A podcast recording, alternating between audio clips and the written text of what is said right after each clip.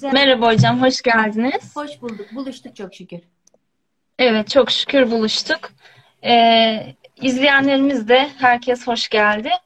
Ee, ben Deniz Ayşe Nida Karakoç. Ee, bu akşam Arzu Eylül Yalçınkaya hocamızla birlikte tasavvuf okumaları, e, Kenar Rifai'nin Mesnevi ikinci cilt şerhi üzerine konuşacağız. Ben Deniz Hocam, e, Mimar Sinan e, Güzel Sanatlar Üniversitesi Türk Dili ve Edebiyatı'nda şu anda 3. sınıf öğrencisiyim. Çok güzel. Ee, bunun dışında Ruhuna Kitap ve Anadolu Bilgiler Araştırma Derneği bloglarında yazılar yazıyorum. Çok güzel. Allah Ee, ne kuvvet versin. Burada Hı hı. teşekkür ederim hocam ve burada böyle moderatörlük yapıyorum. Ee, sizinle de inşallah e, bir seriye başlıyoruz diyelim. Evet. Ee, şimdi konumuz tasavvuf okumaları. Hı hı. Ee, için söz büyüğün demişler hocam. Neler söylemek istersiniz bize tasavvuf okumaları için? Eyvallah. Nidacığım şimdi biz tasavvuf okumalarını yıllardır devam ediyoruz. Çok şükür e, Cemal Hocam bana yıllar önce gençlerle buluşmamı e, yani emretmişlerdi. Ben de bunun üzerine bir 10 yıldır devam ediyordum. Şimdi Mesnevi ikinci cilt şerhi çalışmalarım kapsamında Kenar Rifai çalışıyorum ve onun Mesnevisinin el yazmaları üzerinde uzun bir mesaim oldu. Dolayısıyla daha çok Mesnevi'ye ağırlık verdik. Bu tasavvuf okumalarında daha önceden fiil mafi okumaları yaptık.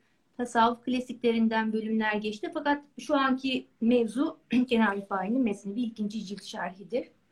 Dolayısıyla burada katılımcılar arasında e, çok şükür yıllardır dersime katılan arkadaşlarım var, öğrencilerim var.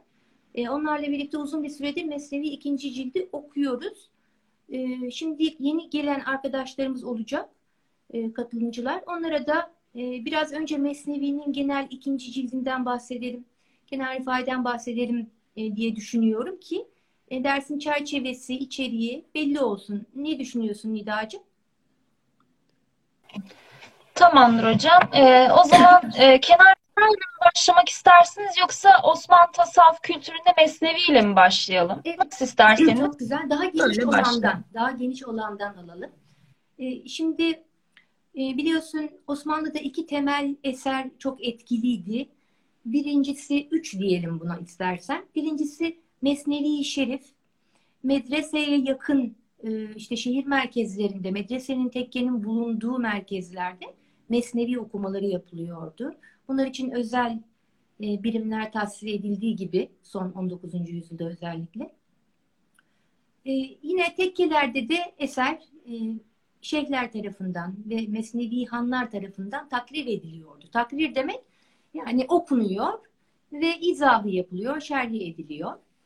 E, bir başka önemli eser Muhittin İbnül Arabi'nin Füsusül Hikemi. Tabii o metin biraz daha ağır olduğu için e, daha çok e, hani diyelim seçkin bir zümrenin meclislerinde okunuyordu ve e, şerh ediliyordu. Taşra'da ise etkin olan diğer bir kitap, sen de bilirsin mutlaka, Muhammediye. Muhammediye okuma kültürü özellikle e, Anadolu'da çok yaygındır.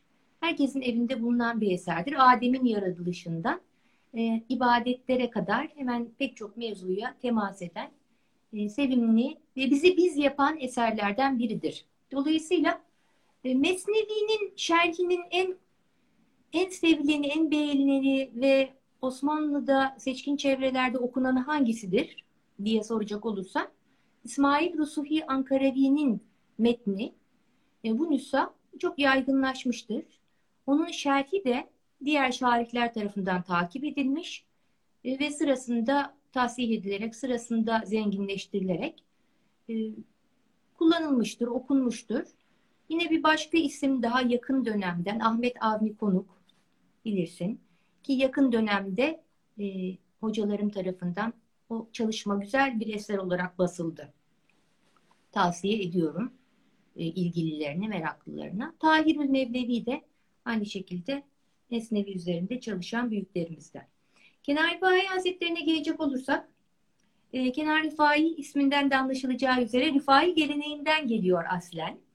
E, onun bir hayat hikayesini şöylece anlatalım ve tasavvuf eğitimi üzerinde de böylelikle durmuş olalım. E, Kenar Rifai 1867 yılında Balkanlarda dünyaya geliyor. Kendisi bürokrat bir ailenin çocuğudur. İlk tasavvuf eğitimlerini annesinden almış. Annesinin de Kadiri Ethem Efendi'ye intisabı varmış Filibe'de. Dolayısıyla e, Kenan Rifai'nin de ilk şeyhi Filibeli, Filibe'deki Ethem Efendi'dir. E, Galatasaray Lisesi'nden mezun oluyor Kenan Rifai. Çünkü Balkanlardaki savaşlar neticesinde aile çiftliklerini bırakarak, her şeylerini bırakarak İstanbul'a yerleşiyorlar. Fatih'te bir konak. Çocuk da orada tabii ki leyli olarak, yatılı olarak bir süre okula başlıyor ve uzun e, yıllar sonra Galatasaray'dan mezun oluyor. Mezuniyetinin akabinde biraz hukuk fakültesine devam etmiş fakat daha çok aksiyon almak, e, bizzat insana yakın olmak istediği için eğitime geçiyor. Marif, e, marife geçiyor ve marifte 19 yaşından daha sonra Milli Eğitim Bakanlığı döneminde de e, yaptığı öğretmenleri de hesaba katacak, öğretmenlikleri de hesaba katacak olursak yaklaşık ömrünün 60 küsür yılını bizzat sınıfta öğrenci yetiştirerek, e, okul teftiş ederek, çeşitli ilmi e, cemiyetlere ve efendime söyleyeyim encümenlere dahil olarak bir fiil insanı yetiştirmeye adamış bir güzel insandır. Önemli hizmetleri arasında Osmanlı'nın son döneminde çeşitli vilayetlerde e, Hamidiye mektepleri açmak bulunduğunu söyleyebiliriz. Balkanlarda çok zor şartlar altında e, marif müdürlüğü yaptıktan sonra Trabzon ve nihayet İstanbul'a geliyor. İstanbul'da çok genç olduğu bir dönemde 30'lu yaşlarındadır. Manada aldığı bir haber üzerine şeyhi vefat etmiştir. Manada aldığı bir haber üzerine Medine'ye gitme talebinde bulunuyor. Marife bizzat diyor ki ben Medine'ye gitmek istiyorum ve orada hizmet etmek istiyorum. Tabii şimdi takdir edersen dönem biraz nazik. Ee, bir memurun İstanbul gibi bir yerde vazifeliyken, numune-i terakkide müdür iken Medine'ye gitmesi e, CV'sinde, bugünkü anlamda CV'sinde bir şüphe uyandır. Yani niye gidiyorsun Medine'ye numune-i terakkiden? E, fakat bunu not düşmüşler kendi isteğiyle. Yani biz onu oraya göndermedik. Bu bir sürgün değildir. Bu bir gönüllü vazifedir. 35 yaşında İstanbul'u der saadeti bırakıp gerçekten de bugünkü anlamda e, hani çölden ibaret olan bir Medine'ye gidiyor ve orada Hamidiye, İdadi, İdadi Hamidi'yi, İdadi Hamidi'yi açıyor yani bir lise açıyor. E, talebelerden e, ilk başlarda ilgi yok, Halk korkuyor, yeni okul sistemini bilmiyor. Onlara anlatıyor.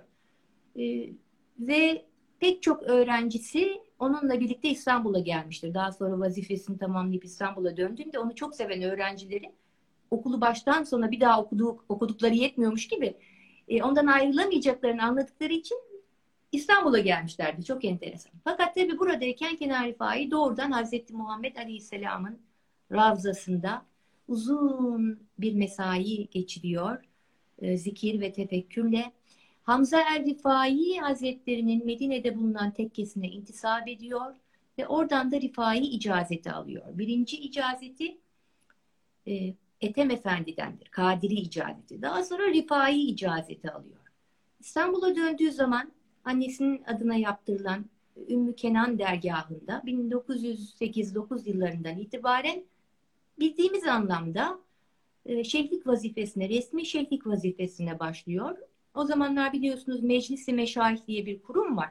Bütün tekkelerin idare edildiği resmi bir merkez. E, atama usulüyle de şeyhler atanıyor. E, bu Ümmü Kenan dergahının 1909 yıllarında faaliyete başladığını resmi olarak kayıtlardan, arşiv belgelerinden görüyoruz. Başladığı günden, kurulduğu günden 1925'te tekkelerin seddedildiği döneme kadar Kenar Rifai her cuma günü cuma namazından tertip edilen zikirden sonra ve öncesinde Mesnevi şerhine, Mesnevi takrirlerine devam etmiştir. Bu süre içerisinde bir kez başından sonuna bütün Mesnevi'yi şerh etmiş.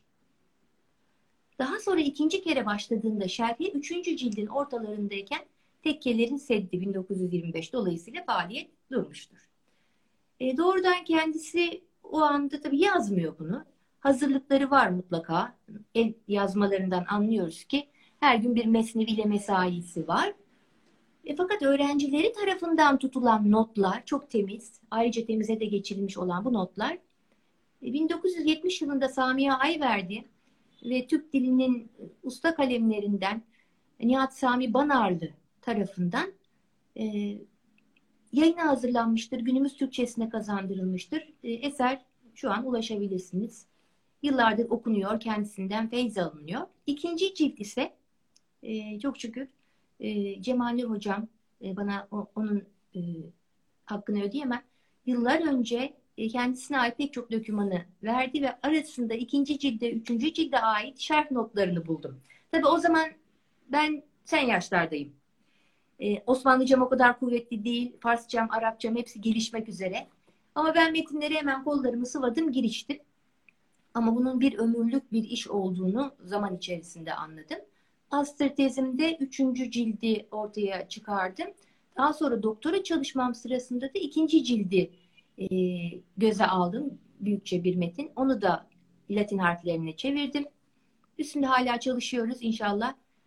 E, sadeleştirmesi de yapılıyor. Efendim metin tetkiki de yapılıyor. Tahkiki de. E, yoğun bir çalışma. İnşallah dua et. E, bu çalışmalarla da olgunlaşsın ve eser inşallah çok yakın zamanda herkesle buluşsun. İkinci, üçüncü, dördüncü ve diğer ciltlerin şerhlerinde ömür oldukça e, yayınlayalım. Halkla buluşsun. Hepimizle buluşsun inşallah.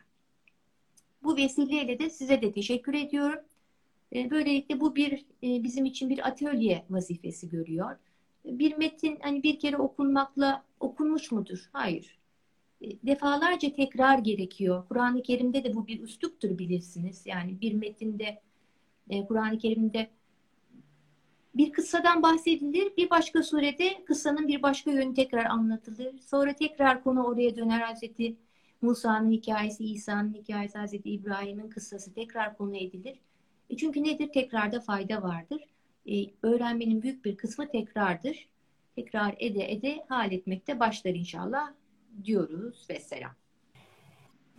Neyden bahsettik? Genel olarak tasavvuf okumalarımızdan, Mesnevi'den, Mevlana Celaleddin Rumi'den ve Mesnevi'den de bahsedelim tabii ki. E, yani İslam dünyasına kazandırılan çok muazzam bir eserdir Mesnevi. İlerleyen yaşlarında yazmıştır Hazreti Mevlana. E, Şems'le buluşmasından, e, onun gaybubetinden, Selahaddin Zerkubi'nin vefatından sonra e, hayatına dahil olan o kıymetli müridi, aynı zamanda halifelerinden Hüsamettin Çelebi'nin isteğiyle, onun bir şekilde talebiyle başlamışlardır yazmaya. İlk 18 beyit e, bir lahzada dökülür. Ondan sonra Hüsamettin Çelebi gelir. Mevlana Celaleddin Rumi söyler, o yazar. Hiç onun e, akışını, ilhamını bozmaz. Gece gündüz bazen yazdıkları söyleniyor. Mesnevi biliyorsun esasen bir tür adı. Fakat o kadar e, Rumi'nin, Mevlana Celaleddin Rumi eseriyle özdeşleşmiş ki biz Mesnevi dendiğinde artık kültürümüzde biliyoruz ki Celaleddin Rumi'nin Mesnevisidir o. Seyri Suluk kitabıdır diyor Hazreti Mevlana. Yani nefsinden ruhuna yol almak isteyenler e, bu kitabı kendilerine rehber alabilirler.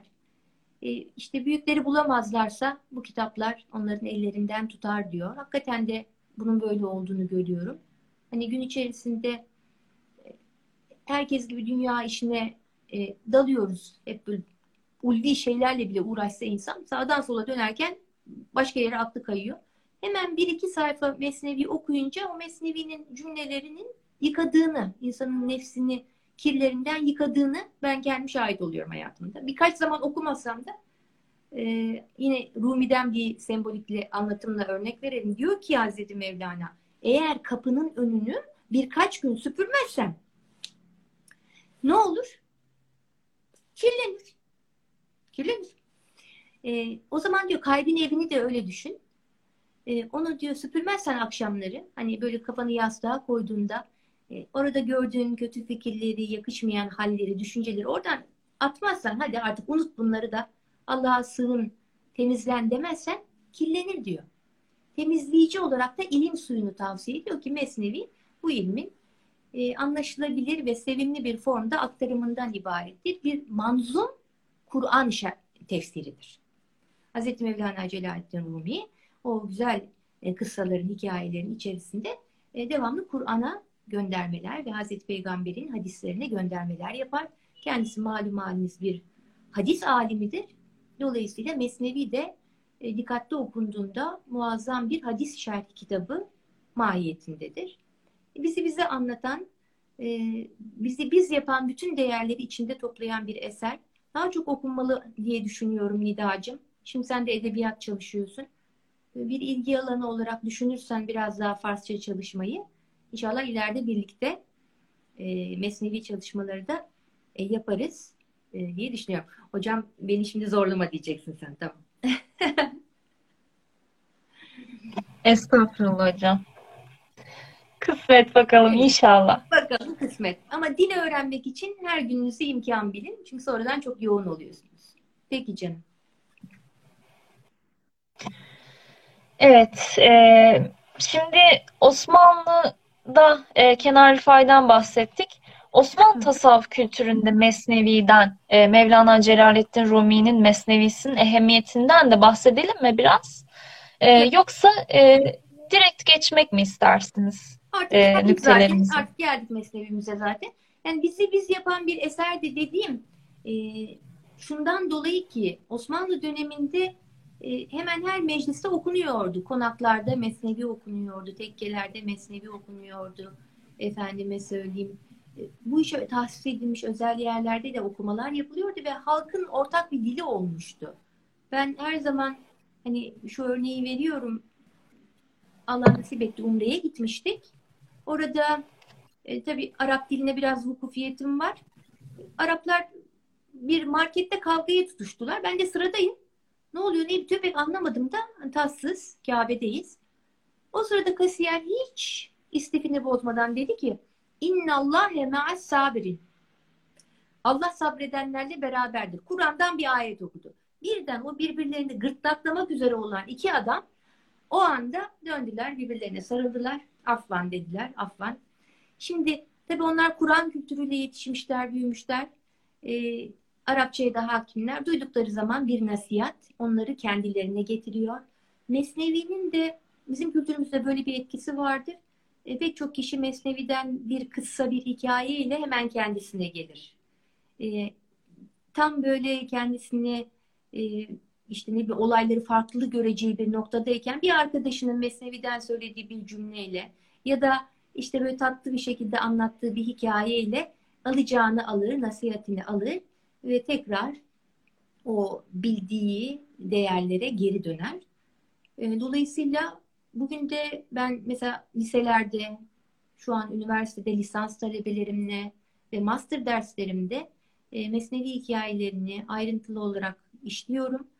E, bu vesileyle hani bu kültürün canlı kalmasına, işte şimdi seninle yaptığımız bu ders gibi canlı kalmasına e, vesile olabilirsek ne mutlu. Çünkü bizi biz yapan bir eser. Onun etrafında şekillenmiş bir toplumuz. Bilelim bilmeyelim e, Mesnevi'nin tesirleri bizde var. Bilelim bilmeyelim. Evet. Teşekkür ederiz hocam. E, metnimize geçelim mi? Tabii Siz de isterseniz. Çok güzel. Şimdi neler yaptık biz? Biraz ondan bahsedeceğim ben biliyorsun. Tabii. Buyurun. Evet. Şimdi Mesnevi ikinci cilt. Hani bana sorsalar neden bahsediyor genel olarak diye. Birinci ciltti hani biliyoruz 18 beyitte başlıyor değil mi? İnsanın bu dünyaya geliş hikayesini anlatıyor. Onu tekrar aslına döndürmek için bir gayretle başlıyor Hazreti Mevlana Celaleddin. İkinci ciltte de bir doğan hikayesiyle başlıyor Hazreti Mevlana. Hüsamettin Çelebi'yi e, böyle e, sultanın bileğinde yetişen bir doğana benzetiyor. Önceleri güvercin de o diyor. Sonra mana fezasında uçarken doğan olduğu ve sonra sultanın bileğine layık olduğu. Biliyorsun doğan kuşu avcı bir kuştur. Sembolik olarak e, avcılığı temsil eder. Tabi tasavvuf literatüründe ise mana arzusuyla dolu ve onları anlayabilecek, aktarabilecek idrak ve yeteneğe sahip e, mürit anlamındadır. Talip anlamındadır. Bir doğan kuşu fakat mana avına çıkıyor.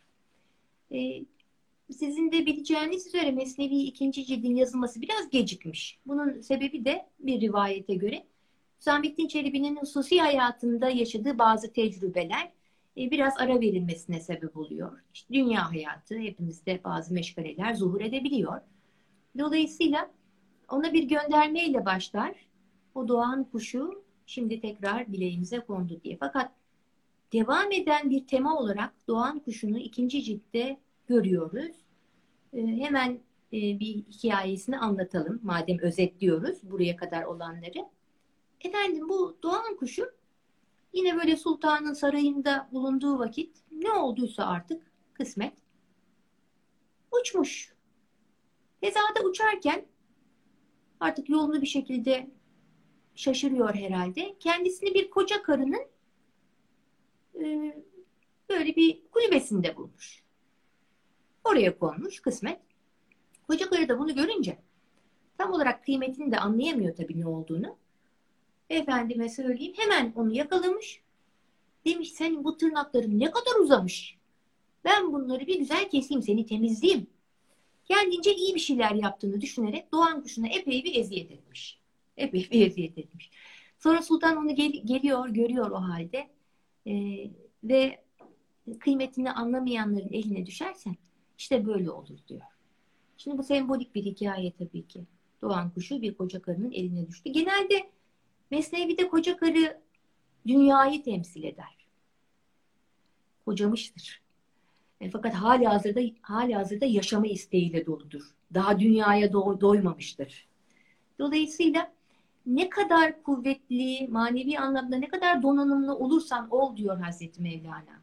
Eğer bir müddet yanlış ellere düşersen, yanlış meclislere e, girersen, senin meşrebine uymayan, dünyaya meraklı e, kimseler arasında bulunursan, hani o onların meşrebidir ama senin meşrebin o olmadığı için e, halinden anlayanlar olmaz ve perişan olursun diyor.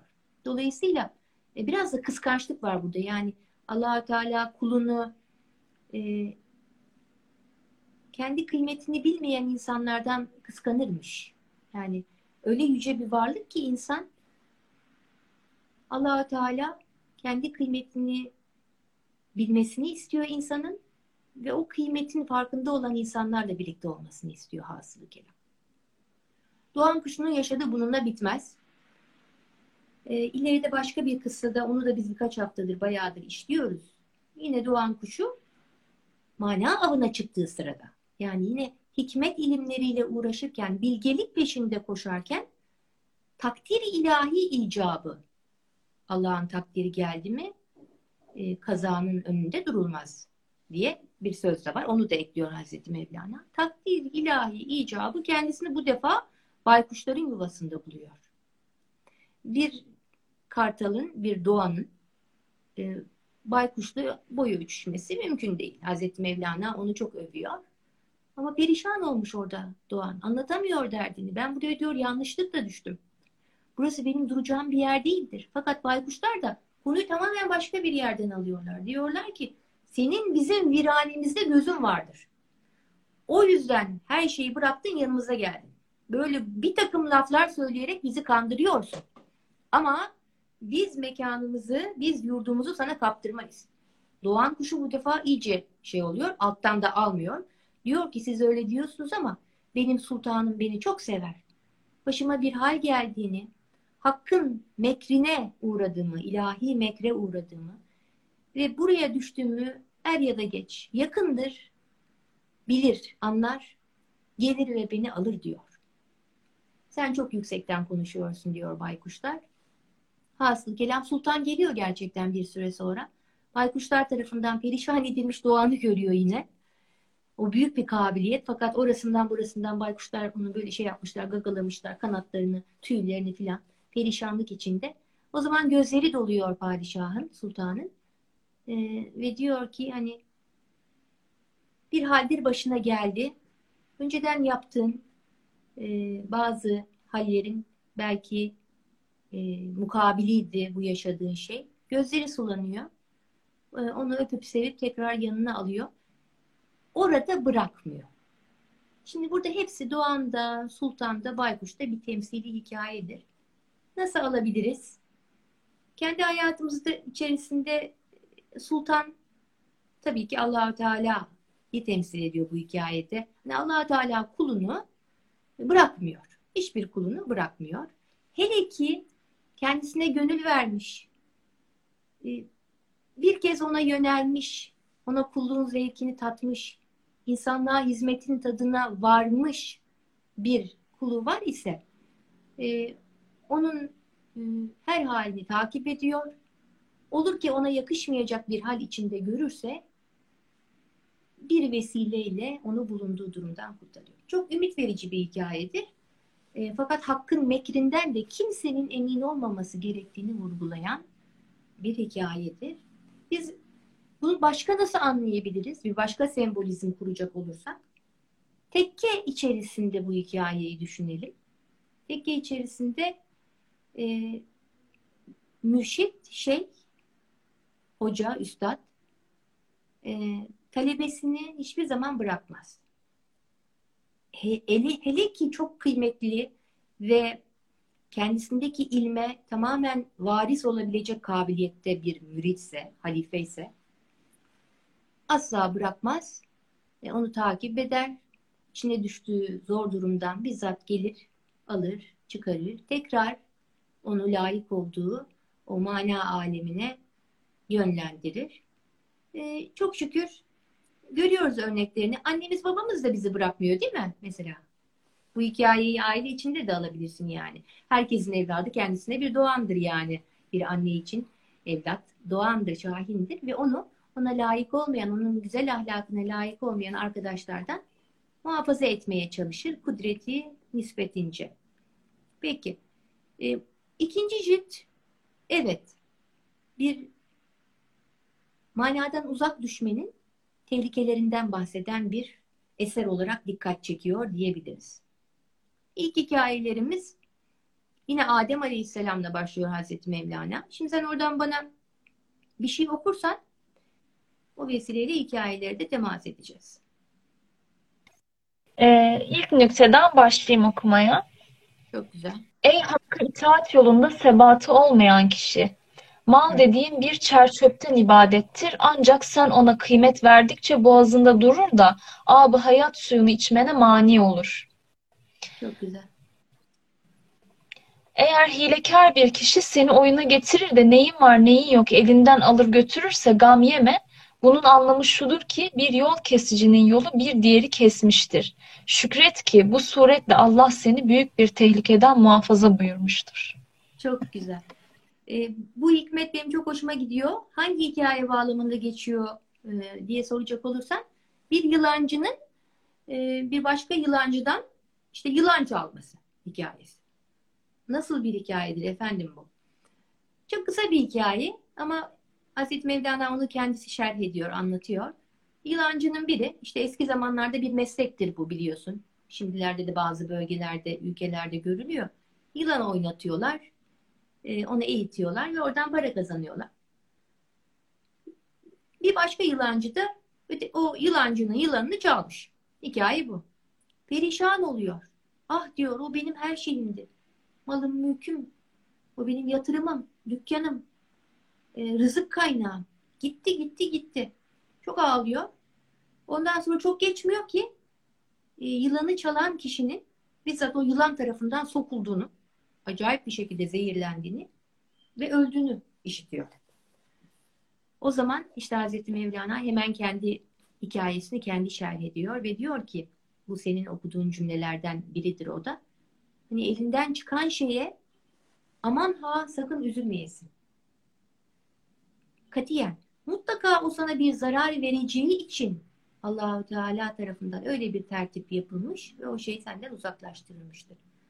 Hani Elmani ismi vardır Allah'ın. Duydun mu? 99 isim içerisinde Elmani ismi vardır. Arapça bir kelime ama Türkçe'de de biz o kelimeyi kullanıyoruz. Men eden demektir mani. Şimdi men etmek kelimesi bize biraz negatif geliyor. Ama bunu olumlu bir anlamda burada düşünelim. Allahü Teala kuluna yakışmayacak, kuluna yaramayacak şeyi ondan men edendir. Şimdi bir daha söyleyelim.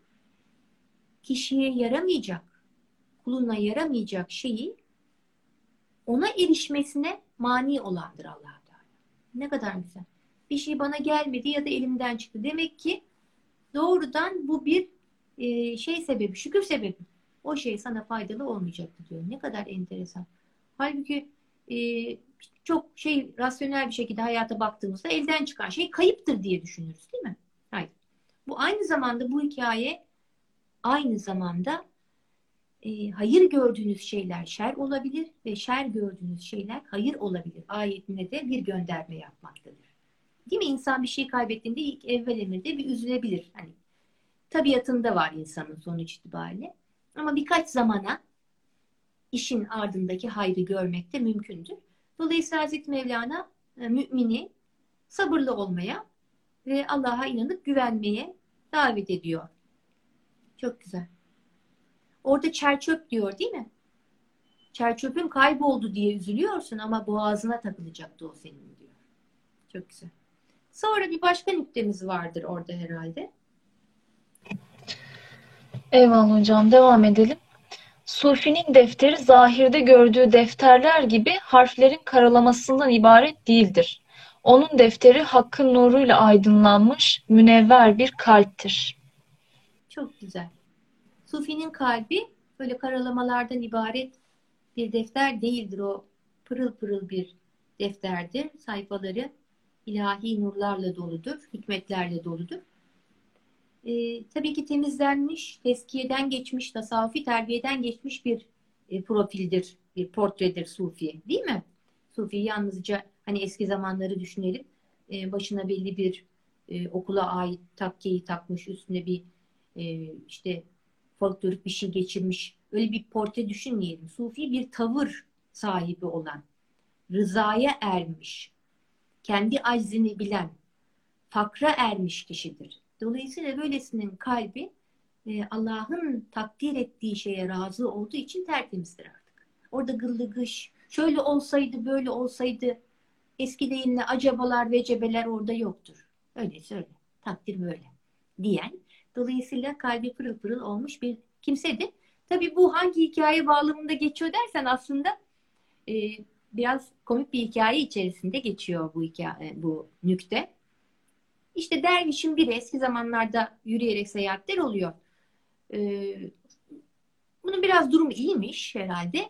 Merkebi varmış affedersiniz.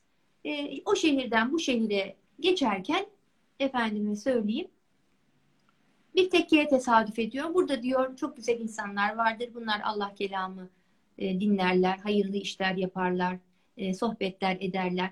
Ben onların hanesine konuk olayım diyor e, güzel muhabbet edelim, sohbeti ilahi olsun diyor. O niyetlerle, güzel niyetlerle içeri giriyor. Fakat tabii tekkeden tekkeye de fark var. E, biraz Mevlana Celaleddin Rumi'nin Mesnevisini o dönemin tarihini yansıtan bir eser olarak da düşünebiliriz burada. E, her tekkenin vakfiyesi o kadar kuvvetli değil. Geçtiğiniz köyün, kasabanın maddi durumuna göre tekkesi de öyle oluyor. Burası biraz fakir bir tekkeymiş. Uzun zamandır da dervişlerin boğazından pek bir şey geçmemiş. Belli ki kuru ekmek suya talimler. Bunu bir vesile edip riyazat edeceklerine belli ki nefisleri biraz azmış. İçeriye girer girmez bu dervişin merkebini bir hizmetli almış, efendime söyleyeyim bir kenara bağlamış. Sonra da dervişe güzel bir sofra kurulmuş madem ki misafir geldi diye. Etler var, sütler var, efendim türlü türlü nimetler. Arkasından da güzel bir musiki faslı olmuş. Bir yandan zikir yapılmış. Sonra güzel bir musiki başlamış. Neşelenen tabii gıdayı yedikçe neşelenen sufiler, dervişler artık çerviş mi bilemiyoruz. Bir türkü söylemeye başlamışlar. Her berfet, her bereft. Her bereft, her bereft. Güzel de bir ritim varmış. Adam da başlamış oynamaya herkes gibi. Aman bir oynamak, bir oynamak. Ne oldu sence? İşin içinde bir iş var. Sabah olmuş. Güzel. Herkes tenha çekilmiş. Sabah olmuş. Gece rüyasında çok enteresan şeyler görmüş ama bu dermiş. Yani eşeğinin başına bir şeyler geldiğini, işte efendim aç susuz kaldığını, şöyle olduğunu, böyle olduğunu efendime söyleyeyim. Sabah olunca kalkıyor ve diyor ki hadi bana müsaade merkebime bineyim ben gideyim. Yok diyorlar. Nasıl yok? İşte biz dün akşam söylüyorduk ya diyorlar. Her bereft, her bereft. Farsça her bereft ne demek? Merkep gitti, merkep gitti. Merkep gitti, merkep gitti. Sen de oynadın diyorlar. Biz söyledik, sen oynadın.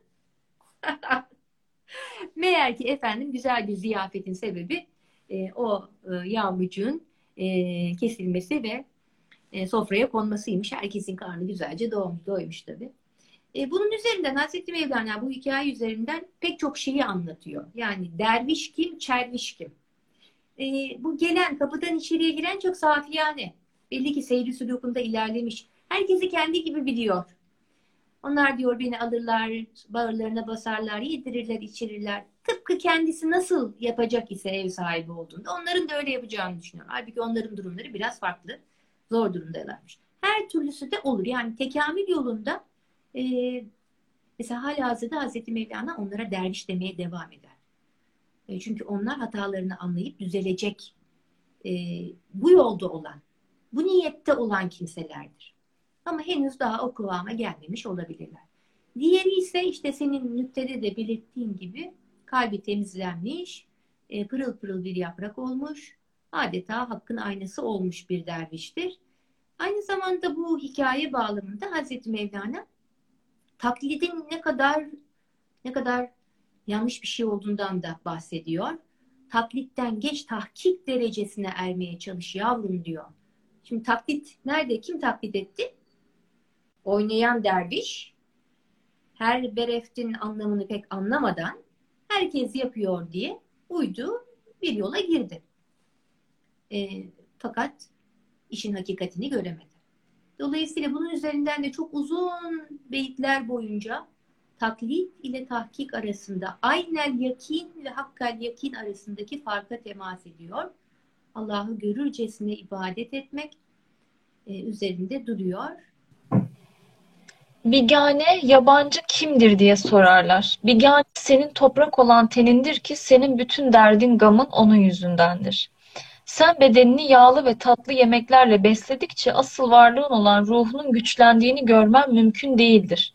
Eğer ten miskler içinde olsa ve bir kimse tenini miskü amber ile süslese, ölüm günü geldiğinde yine onun pis kokusu hissedilir. Ya gördün mü? Gördün mü? Şu son cümle çok etkileyici. Birinci cümleyi pek çok yerde görüyoruz. Hazreti Mevlana e, Mesnevi'nin çeşitli beyitlerinde ve türlü vesilelerle yağlı ballı lokma yersen e, düşersin diyor. O açtığın, kanat açtığın semalardan bir anda yere inersin. Fazla fazla yemek. Burada illa gırtlaktan geçen lokma anlamında değildir. Yani dünyadaki hazlara, gelip geçici şeylere fazlaca kıymet vermek seni toprağa çeker diyor. E tabii yaratılışımızda toprak var. Toprağa meylimiz de var zaten değil mi? Bir yer çekimi de var. Ee, onu seviyoruz da. Ama bizde başka unsurlar da var. Bizde ilim, e, ilmi temsil eden su var. Bizde hayatın kendisini temsil eden bir hava var. Ateş var. E biz unsurların karışımından oluşuyoruz. Eğer birisi fazla kaçarsa denge bozulur diyor. Dolayısıyla yağlı ballı lokma yersen e, o seni ağırlaştırır. Bu fiziksel, fiziken de böyledir. Biraz fazla yemek yerseniz ondan sonra artık hakikat kelamından bir süre konuşamazsınız. Onun hakkını vermeli. Dünya işlerine e, o sırada bakmak lazım. Yani hiç oruçta olduğumuz iftara yakın zamanları düşün. Ne kadar hassas oluyoruz değil mi? E, rikkat deniyor ona eski dilde. Rikkat. İncelik sahibi oluyoruz e, öyle işte ne bileyim güçlü olduğumuz, yiyip içtiğimiz zamanlardaki gibi hemen her şeye atılıp cevap vermiyoruz filan. Ruha yakın oluyoruz hasılı kelam. İşte Rumi de onu diyor. Fakat onu diyor da herkes diyor. Son cümlesi çok etkileyici. Hazreti Mevlana bak diyor senin vücuduna bir ömür boyu baksan onu böyle hamamlarda güzel yıkasan, üstüne güzel pudralar, allıklar, efendime söyleyeyim türlü şeyler, yağlar sürsen. Öldüğün dakika diyor, bir dakika yanında durulmaz kokunda. Çok etkileyici. Yani hayatın boyunca yaptığın bütün maddi kazançlar şeyler bir anda hepsi gider. Dolayısıyla gidecek şeye, elden gidecek şeye e, o nazarla bakmalı, onu bilmeli ve öyle kıymet vermeli. Tabii ki Rumi hayatı boyunca çeşitli resmi vazifelerde bulunmuş. E, ailesi olmuş, evladı ahvadı olmuş. E, aynı zamanda hani örnek bir e, toplum insanı. Değil mi? E, o herhangi bir şey ihmal ediyor değil. Tabii ki dengeli bir insan profilde çiziyor. E, ama burada her zaman sorulan şey şu. Yani denge nerede bozulur? Hangi noktadan sonra biz lokmayı fazla kaçırmışızdır?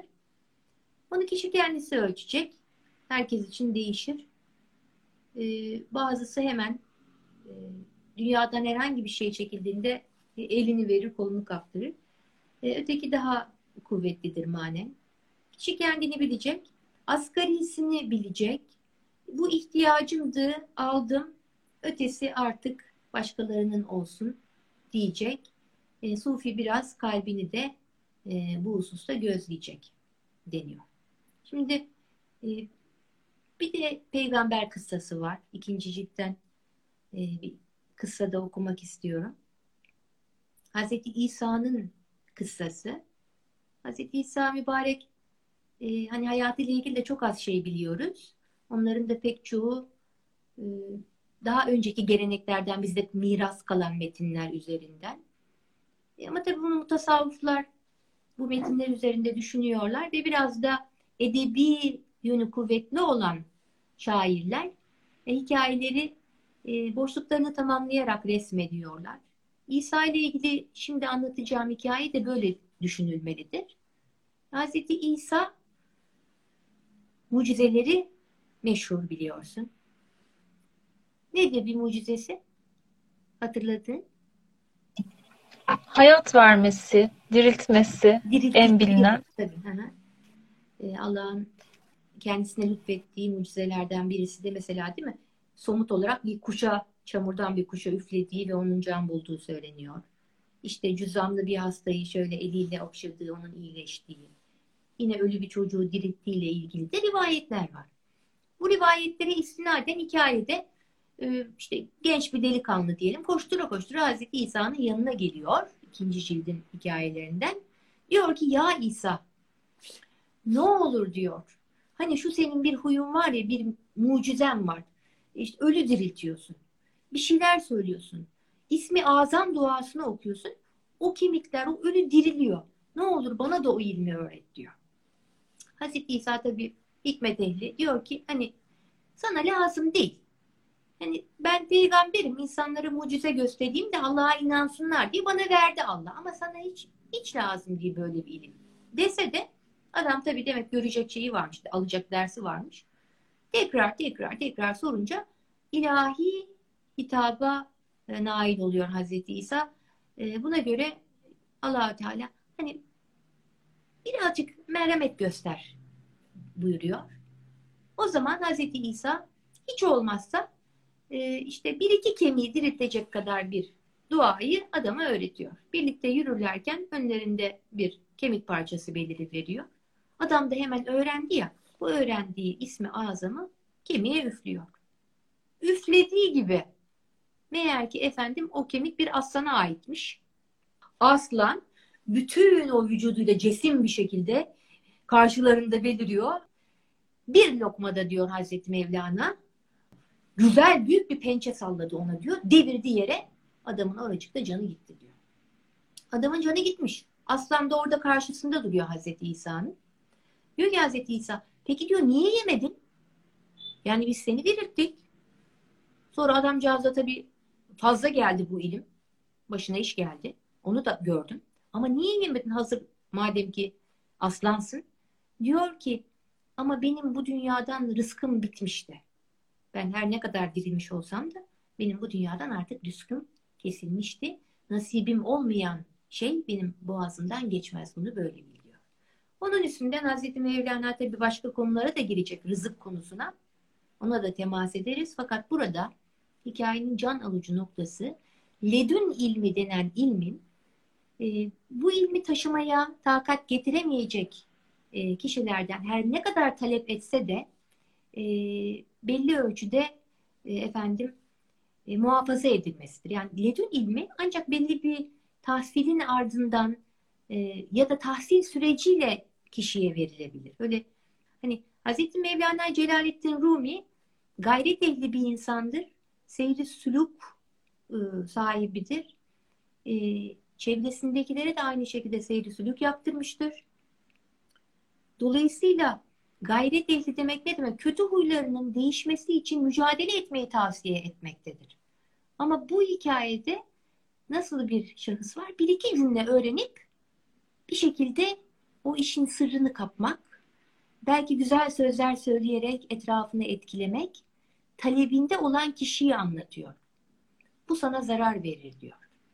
Onun yerine güzel olan nefsinin kötü huylarından işte bu işittiğin sözler vasıtasıyla o bulduğun kamil insan vasıtasıyla kendi nefsinden ölmek ve kendi ruhunu diriltmektir. Yoksa ondan bir iki cümle kapayım da orada burada ben de efendim etrafıma insan toplayayım derdi değildir diyor. Yine kendi şerh ediyor ve diyor ki Hazreti Kenan Rifai de özellikle buna çok vurgu yapıyor. Diyor ki sen kamil bir insan buldun mu? Yani yetkinliğe ulaşmış, nefsinin arzularının üstüne çıkmış, e, ruh kesilmiş, e, insan terbiyesiyle iştigal eden, samimiyetle, ihlasla insanlığa hizmet eden birini buldun mu? Otur önün, onun önüne bir bir huylarını düzeltmeye bak. Madem ki böyle bir mürebbi buldun, ne büyük bir imkan. Ondan bir iki laf kapıp e, öğretmencilik oynayacağıma otur önüne diyor, sen de ruha dön, nefsinden ruhuna dön. Onunla diril diyor. Onunla ruhunu diril. Çok güzel. Aslında ikinci cildin yine önemli bir teması da budur. Nedir? Ee, mürit mürşit irtibatı. Öncelikle kişi e, rahle-i tedristen geçecek. Rahle-i tedristen ve hizmetten geçecek. Peki efendim sizden bir nükte alalım. Ey birader, ey güzel kardeşim. Sen evet. baştan başa bir düşünceden ibaretsin. Ondan başkası sendeki saçtır, kemiktir. Eğer düşüncen gül ise sen bir gül bahçesisin. Eğer endişen diken ise sen külhana taşınan bir kütük gibisin. Eğer sen e, gün suyu gibi latif ve hoş kokuluysan insanlar seni başlarına sürer. Eğer pislik gibi kötü kokuluysan seni kendilerinden uzak tutarlar. Eyvallah. Hani biz şimdi insan gördüğümüzde ne zannediyoruz? İşte ben onu gördüm. Şuna benziyor. İşte şu boyda, şu renkte gözü var. Bilen tarif ediyoruz. Onu gördüm diyor. Tanıyorum diyoruz. Hatta Fihi Mafih'te Mevlana Celaleddin Rumi diyor ki e, işte sana filanca adamı sorarlar tanıyor musun diye. Sen de dersin ki diyor evet tanıyorum. Çok iyi tanıyorum. Nasıl tanıyorsun der. Sen de dersin ki işte şu kadar tarlası vardır. Bu kadar koyunu vardır. Şu kadar ekini vardır. Ben onu biliyorum. Tanıyorum dersin. Halbuki bu anlattıkların e, o insanın hakikatinden haber vermez. E, işte kişi diyor düşünceden ibarettir. Kişinin içi, içidir asıl olan. Modern dünyada da böyle aslında. İşte hangi ara, arabası var markası, işte doktorasını aldı mı almadı mı, efendime söyleyeyim, e, kaç yıldır hala aynı pozisyonda, değil mi? E, efendime söyleyeyim, e, eskilerden işte e, büyükler derlerdi, kısmeti işte iyi mi, kiminle evlendi filan gibi. Yani insan anlatırken ve tamamen materyal konulardan bahsediyor. Hala öyleyiz yani. Şimdi o değişmedi. Halbuki diyor insan bu değildir. Sen kendine de öyle bak. Sen kendine de öyle bak. Yani sahip olduğun maddi şeyler üzerinden kendini tanımlamayı bırak artık diyor. Çünkü sen bu değilsin. İnsan demek ruh demektir, mana demektir. Eğer için güzelse, sen Allah'la birsen, ona yakınsan, onu seviyorsan, kulluk ediyorsan, etrafına hayırlarda bulunan güzel ne bileyim güzel ruhlu bir insansan sen sen güzel bir insansın. Diğer türlü de diyor için fesatla, kinle, hasetle, çekememezlikle, hesapla, kitapla doluysa işte sen de böyle bir dikenliğe benziyorsun diyor. Öteki bir gül bahçesi ise o güzel insan e, içini böyle cifelerle doldurmuş bir kimse de bir dikenliktir diyor. Gerçekten e, modern dünyada bu içinde yaşadığımız dönemde e, maddi konular üzerinden kendimizi tanımlama hatasına düşüyoruz. Mesnevi okunursa hemen bir iki sayfa içerisinde bu tema tekrar geliyor. Sen düşünceden ibaretsin. Tabii bunu şimdi fizik ilimleri, çeşitli fen bilimleri de söylüyorlar. İnsan enerjidir. E, farklı konulara alet oluyor. Düşündüğün şey olur diyen bazı mektepler var. Bazı e, değişik spiritüel akımlar var. Yani ne düşünürsen olur diyen, insanı başka tarafa götüren, hani kulluktan tanrılığa götürmeye çalışan başka bir yol. Bu değil yolumuz. Bu, bu değil. Ama kişinin kendini bilmesi esastır. Peki canım benim. Bir nüktemiz daha var mı? Var hocam. Tamam. Eğer ki senin gönlün ilahi hikmete hazır değilse defalarca okusan da hikmet senden uzak durur. Sen hikmetleri yazsan ve ezberlesen sonra ona bunu anlatsan da ne çare.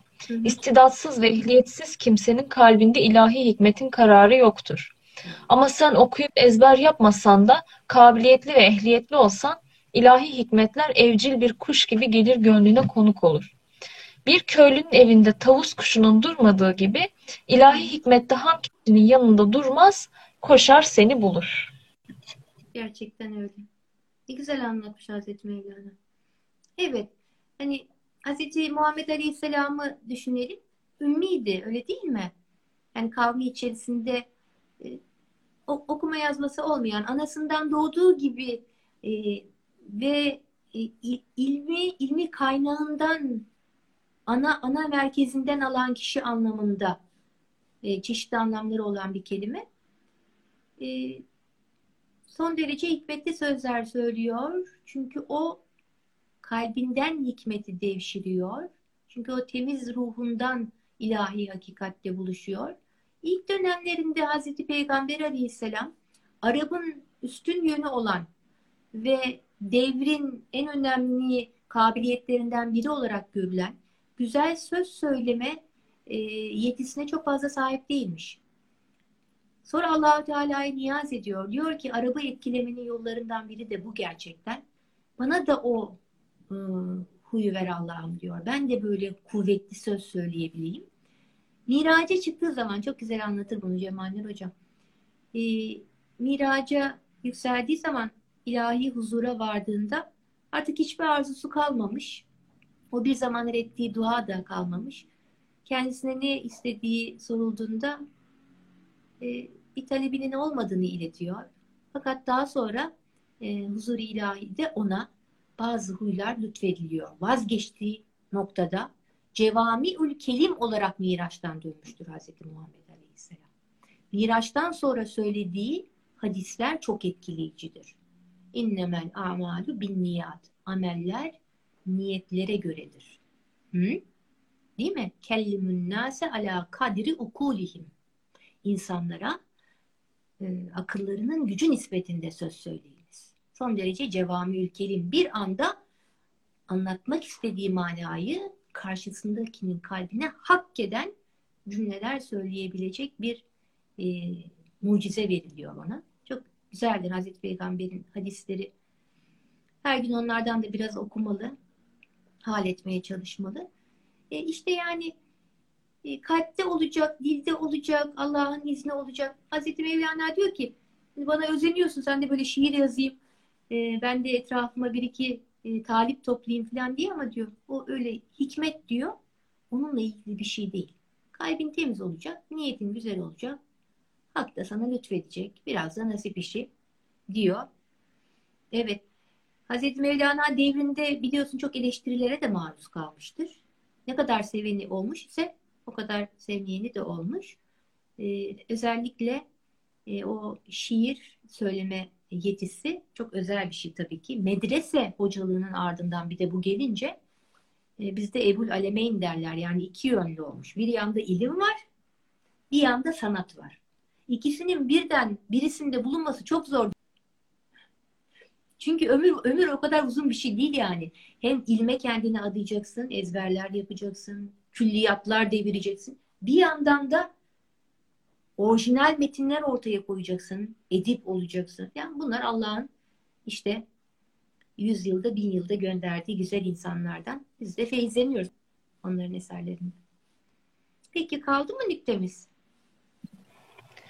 Doğan Kuş'un hikayesi geliyor hocam sırada. Ondan sonra Doğan Kuş'un hikayesi geliyor. O zaman e, şöyle yapalım. Doğan Kuş'un hikayesiyle tamamlayalım. Hani biz bir doğan olmaya mı çalışalım? Biz böyle mana avına e, çıkmak için teşne nasıl olalım? Efendim işte padişahın bileğine layıkmış ama o.